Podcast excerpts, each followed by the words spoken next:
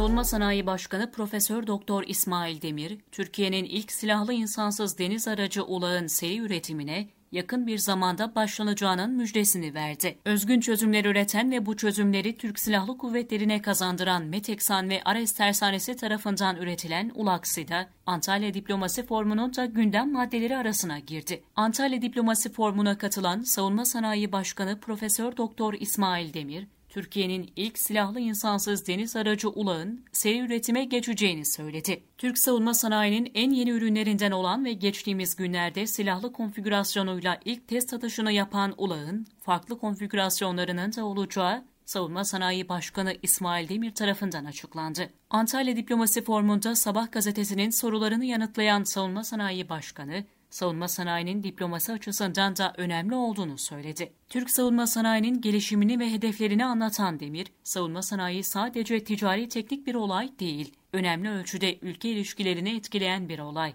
Savunma sanayi çoğu zaman kapalı kapıları açıcı bir güç aktörü olarak masada ifadelerini kullandı.